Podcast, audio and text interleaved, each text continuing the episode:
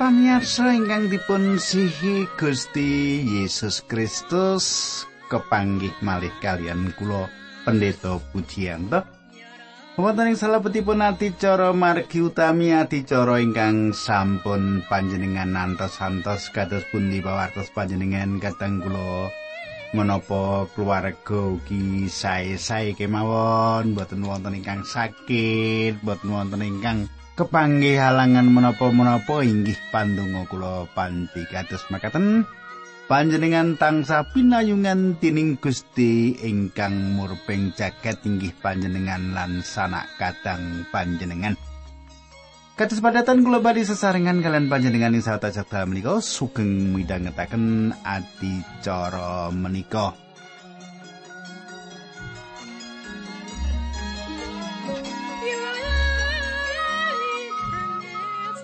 Para pamirsa ingkang kula tresnani, kula suwun panjenengan tasih kemutan menapa ingkang kula aturaken duk nalika kepengker. Ing pepanggihan kita kepengker kita sampun nyemak kados pundi Saul pecah. Kados pundi Saul pecah. Daud tansah pitangklet dumateng Gusti rumiyin saderengipun piyambakipun perang. Kados pundi kelajenganipun kadang kula kita badhe semak dinten menika nanging saderengipun menika kula badhe ngaturaken salam kula rumiyin dumateng Ibu Ruwiyati nggih. Ibu Ruwiyati desanipun Ciklopo. Wah, nggih. Ciklopo kathah kelapane nggih. Nah, kadang kula ingkang kula tresnani mugi-mugi Ibu Ruwiyati ugi sesarengan kalian kita kadang kula kari makaten saged pikantuk berkah sareng-sareng. Nah kula monggo kita tumungkul kita ndedonga rumiyin. Kanjeng Rama ingkang ada dampar wonten kraton ing kasuwargan kawula manembah dumateng paduka ing wanci menika Gusti. Kalodhangan menika kawula badhe sinau kayektosan saking pangandikanipun paduka supados paduka berkahi kadhe makaten saben-saben kawula wonten pepanggihan wonten sangu sabdo paduka ingkang saged dados landesan kawula tumindak ing dinten menika. Dinambaran asmanipun Gusti Kawula Yesus Kristus kawula ngetungo haleluya. Amin.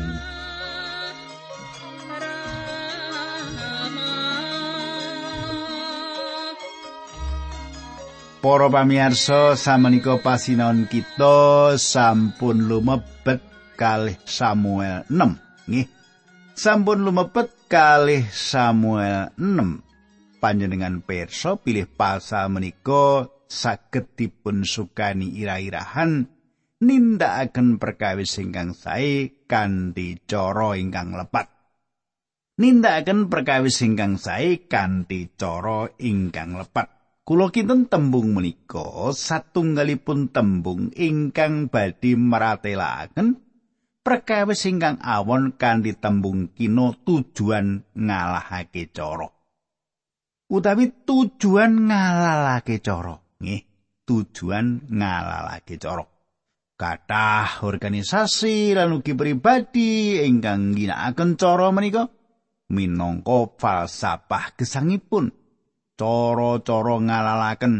Nggih menika kalebet satunggalipun falsafah gesangipun mboten metang iki apik ora carane sing penting tujuane kalaksanan. Nah, gitu. Nah, kula mboten gadah kekajengan mrayogakaken bilih tembung menika satunggalipun falsafah gesangipun Daud. Mboten kados makaten nanging menawi dipun kayutaken kalian pasal menika tembung menika leres. Nggih, tembung menika leres. Kula pitados menika satunggalipun kaca saking salah satunggalipun zaman kejayaan ing salebetipun gesangipun Daud utawi salah satunggalipun lembaran saking salah satunggalipun jaman kejayaan ing salebeting gesangipun Daud. Kadang kula upaminipun panjenengan ngersakaken milih dinten ingkang ageng piyambak ing salebetipun gesangipun Daud. Umpaminipun panjenengan ngersakaken milih dinten ingkang ageng piyambak ing salebeting gesangipun Daud. Dinten menapa ingkang badhe panjenengan pilih? Cobi Menapa ing wekdal Samuel ngesokaken lisah atas piyambakipun ing wekdal piyambakipun taksih dados tiang angin? Dijebati nganggo lenga. Menapa menika? Kados pundi kekayutan kalian dinten ing wekdal piyambakipun mejahi Goliat. Menika ugi dinten ageng menika.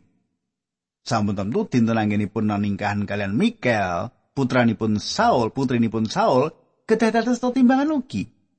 Topi wong pidak pejaraan gayane angon wedhus lah kok rabi karo putrine ratu. Menika satunggalipun dinten ingkang endah. Sopo sih aku iki kok iso kawin karo putri ratu paminipun panjenengan iki panjenengan didala dipek mantu karo Pak Bupati lha iku kaget jenengan lho aku gayane wong angon bebek gitu lha kok dipek ratu dipek mantu ratu iki kepiye upaminipun gitu Saged ugi panjenengan milih dintene wekdal Daud melajeng saking Saul niki jaman sing rekaos. Nggih, jaman sing rekaos. Ketulo-tulo melayu nang rono rene golek slamet nggih. Menika dinten ingkang penting nggih. Saya ketuki sepindah malih panjenengan milih dinten ing wekdal Saul pecah ateges dinten menika piyambakipun badhe minggah dampar ke prabon. Kawitan sangat piyambakipun lenggah neng kursi ratu. Wah, menika panjenengan saged ugi gadah gagasan menika. Inggih menika dinten ing wekdal piyambakipun Daud dipun angkat dados raja atas Israel sawatahipun lan makutha dipun anggekaken ing sirahipun. Panjenengan saged ugi malah gadah pamrayogi bilih dinten menika dinten ing wekdal larenipun Absalom berontak dumateng piyambakipun lan dipun pejahi kelangan anak. Utawi saged ugi panjenengan milih dinten ing wekdal larenipun Soleman dipun jebati dados raja menika nggih dinten ageng. Para pamirsa sedaya menika satunggalipun dinten ageng ing salebeting gesangipun tiang ingkang ngedapi-dapi. Nanging kula pitados, nanging kula pitados. Bilih wonten kali kelampahan ingkang unggul piyambak. Wonten kali kelampahan ingkang unggul piyambak ketimbang kalian ingkang sanes ing salebeting gesangipun Daud. Gimana kau dinten ing wekdal Daud beto peti perjanjian Allah ing Yerusalem. pasal 6. Lan dinten wekdal Daud gadah rancangan ing salebeting manahipun kangge mbangun pedalamanipun Gusti Allah menika pasal pitu. Inggih menika saged ugi satunggalipun kalih dinten ingkang ageng piyambak ing salebeting gesangipun Daud. Kula mboten mangertos panjenengan gesang sing paling ageng piyambak dinten menapa? Menapa nalika panjenengan saged ningkah kalian istri panjenengan samenika? Menapa panjenengan dipun tampi anggenipun nyambut damel? Menapa panjenengan samenika kawisuda dados pendeta upaminipun makaten utawi panjenengan wah saumur uripku aku iso ditangkat dadi majelis gereja. Lagi iki aku senengi kaya ngene dipercaya karo pesamuan upaminipun kados makaten saged iki panjenengan kula mboten mangertos nggih nanging kula lan panjenengan tentu gadah dinten ageng. Nggih gadah dinten ageng ingkang dados kenangan ing gesang kita ingkang giget ati kita nggih? Nah katang kula Peti perjanjian Allah ingkang meratelaken manunggalipun Allah dados satunggalipun pepalang kangge tiyang Israel awet tiyang Israel gadah anggapan peti perjanjian menika kanthi cara takayul Tiang Israel gada pemanggi bilih wonten satunggalipun pituwas sing salebetipun peti menika ingkang sejatosipun boten wonten napa-napanipun. Boten wonten napa-napanipun. Peti menika namung satunggalipun lambang gegambaran saking Gusti Yesus Kristus. Peti menika dipun damel saking emas ingkang gambaraken sifat kealahanipun. lan dipun damel saking kajeng ingkang gambaraken bab kamanungsanipun. Peti menika mboten kaperang dados kalih peti nanging satunggal peti. Dadi ora digawe loro peti ning setunggal peti kemawon. Peti perjanjian Allah menika inggih menika kajeng lan ugi satunggal peti ingkang dipun lapisi emas. Dituwun damel saking kajeng dilapisi kangge emas. Peti menika kedamel saking kajeng lan mas. Menika satunggalipun conto ingkang ngidapi-dapi saking kamanunggalipun pribadi Gusti Yesus Kristus. Gusti Allah sejati, manungsa sejati dadi siji. Panjenenganipun menika Allah, nggih. Nanging panjenenganipun menika ugi manungsa. Utawi kados ingkang dipun pratelaken ing salah satunggal pengaken iman ingkang kino panjenenganipun menika manungsa atas sedaya manungsa lan panjenenganipun menika Allah atas sedaya Allah. Kadang kula ingkang kula tresnani panjenengan tasih kemutan bilih ing jaman Samuel gesang Tiang Filistin nate ngrebut peti perjanjian Gusti lan dados sanget takayel ing lelampahan menika. Tiang Filistin ngintunaken peti perjanjian menika dumateng tiang Israel kanthi dipun tumpakaken kereta lan nilaraken ing kebonipun Abinadab. Tabut Gusti, peti perjanjianipun Gusti menika wonten ing papan menika sadangunipun pitung puluh tahun. Ing wekdal Daud ngrebut Yerusalem piyambakipun gadah kekajengan mindahaken peti perjanjian menika dhateng mriku awit. Inggih menika papan ingkang selaras kangge peti perjanjian menika. Lan ketingalipun papan menika papan ingkang dipun pilih Gusti Allah. Salah satunggal saking perkawis-perkawis menika ingkang kedah dipun tindakaken raja inggih menika. Bab 16 ayat 16 kali Samuel. Wong lanang ing Israel kabeh kudu sujud marang Allah ing papan pangibadah kono setahun ping telu. Ya kuwi ing dina riyaya Paskah riyaya panen lan riyaya tarup godhong saben wong kudu nggawa sesausan. Menika wau panjenengan saged semak wonten pengandaring Torat 16 ayat 16 nggih. Kula klintu kala wau nggih. Nah ing wekdal Daud ngrebat Yerusalem piyambakipun dadosaken kita menika dados ibu kota lan ing Kiryat Taim ingkang tebihipun 8 mil sisih kilен Yerusalem inggih menika papan peti perjanjian menika dipun selehaken. Kadang kula Daud gadah katresnan dumateng Gusti Allah, arang manggihaken tiang ingkang kados makaten menika ing wekdal samenika. Kula namung gadah pengajeng-ajeng ing salebeting manah kula bilih kula gadah katresnan dumateng Gusti Allah kados dene Daud. Cobi panjenengan semak, menapa ingkang dipun ngendikaaken ing Mazmur 9 ayat kali. Kawula badhe saos syukur dhateng Allah kalian gumolong ing manah. Kawula badhe nyariosaken sakwernining kaelokan paduka. Daud ngetingalaken pengabdianipun saking lebeting manahipun lumantar satunggalipun cara ingkang saestu endah. Ing Jabur 103 ayat kali piyambakipun meratelaken, "Duh, nyawaku sausa puji marang Allah lan aja lali marang kadarmani. Saestu satunggalipun katresnan ingkang ngidapi-dapi ingkang dados darbeipun tiang menika. Inggih menika sebabipun piyambakipun gadah kekajengan beto peti perjanjianipun Gusti Allah dateng Yerusalem. Kadang kula kados pundi katresnan panjenengan dumateng Gusti Allah. Menapa panjenengan tresnani Gusti Allah saestu? Kados pundi pisungsung panjenengan dumateng Gusti Allah? Panjenengan nyukani Gusti Allah ingkang paling saing gesang panjenengan? Kados pundi pelatusan panjenengan kangge Gusti Allah? Kados pundi panjenengan ndedonga kangge pakarian-pakarianipun Gusti Allah? Nah, menika saged kangge tondo sepinten katresnan panjenengan dumateng Gusti.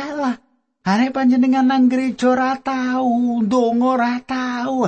Jadi kan kita tiba ngopo? Apa gitu.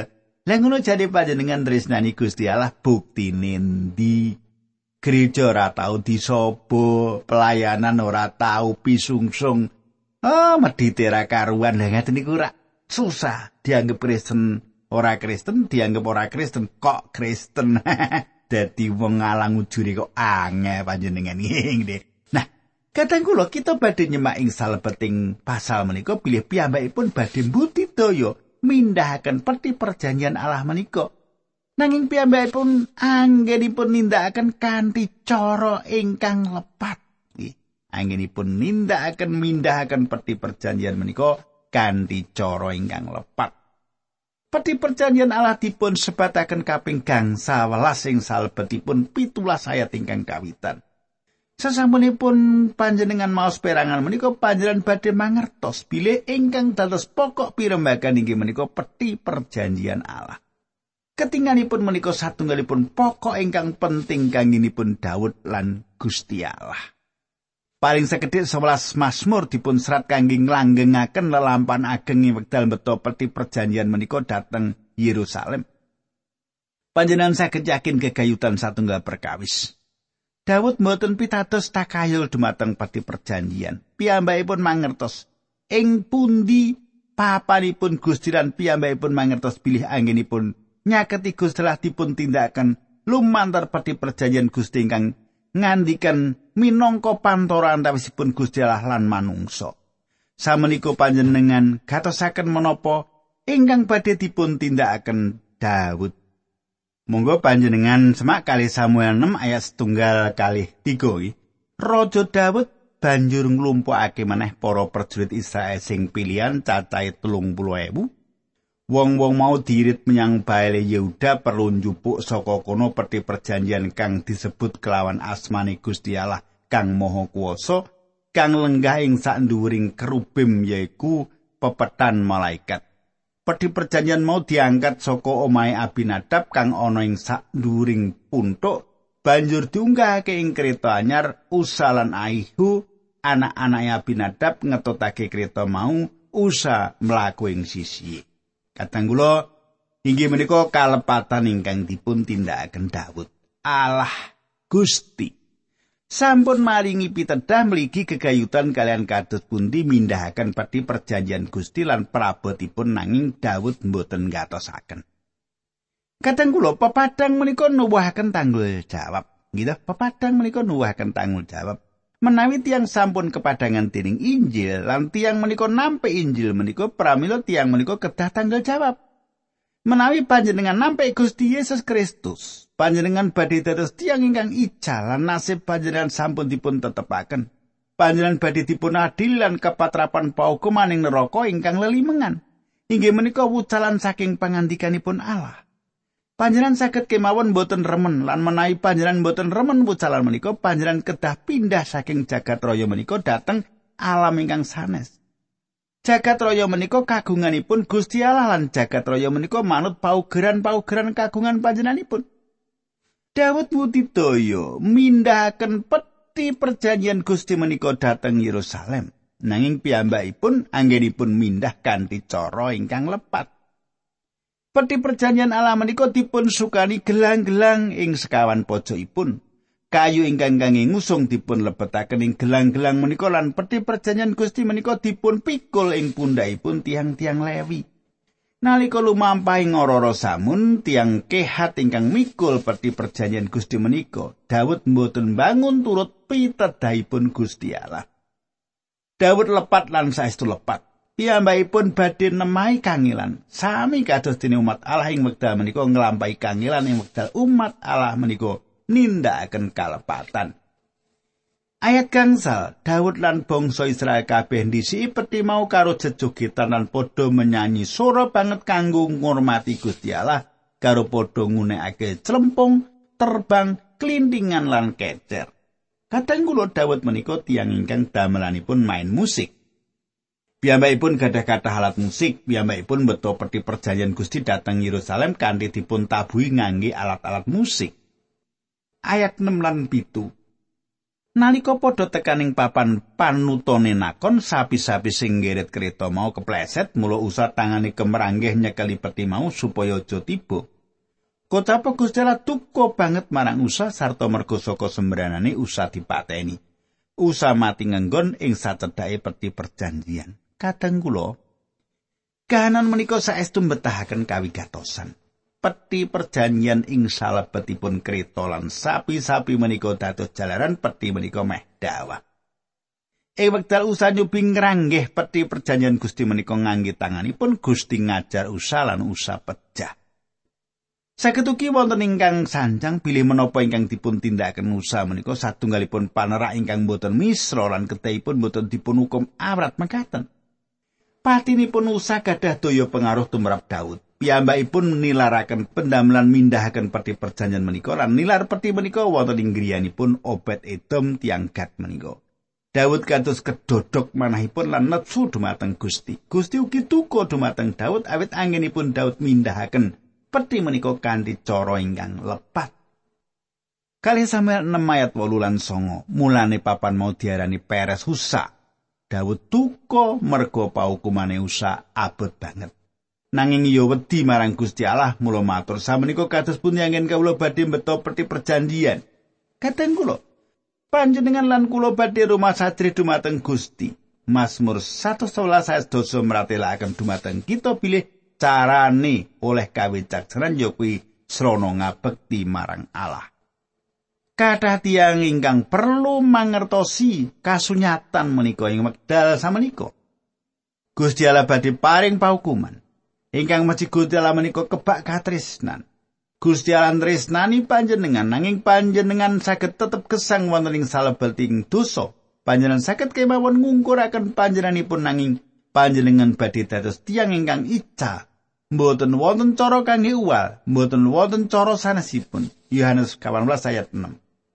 Gusti Yesus ngendika aku iki dalane marang Gusti Allah aku sing nuduhake Gusti Allah kuwi sapa lan kepriye kanani aku go sing meneh urip marang manungsa ora ana wong siji wae sing bisa sowan marang Sang Rama yen ora lantaran aku Katenggulo Gusti Yesus Kristus ngendika perkawis-perkawis menika lan menika sedaya leres kita kedawet diasih dumateng panjenenganipun lan nindakaken menapa ingkang dipun ngandikaaken. Dawud pediase dumateng Gusti dinten menika lan tundhonipun piyambakipun sanjang kepiye peti perjanjian Gusti bisa tekan marang aku. Kali Samuel nemayas dosa ngantos kali welas. Mulane diputusake ora arep nggawa peti perjanjian menyang Yerusalem nanging disimpen ing omahe Obed Edom wong ing kutha. Peti perjanjian mau ana ing kono suwene pitung sasi lan Allah berkahi Obed Edom sak brayati.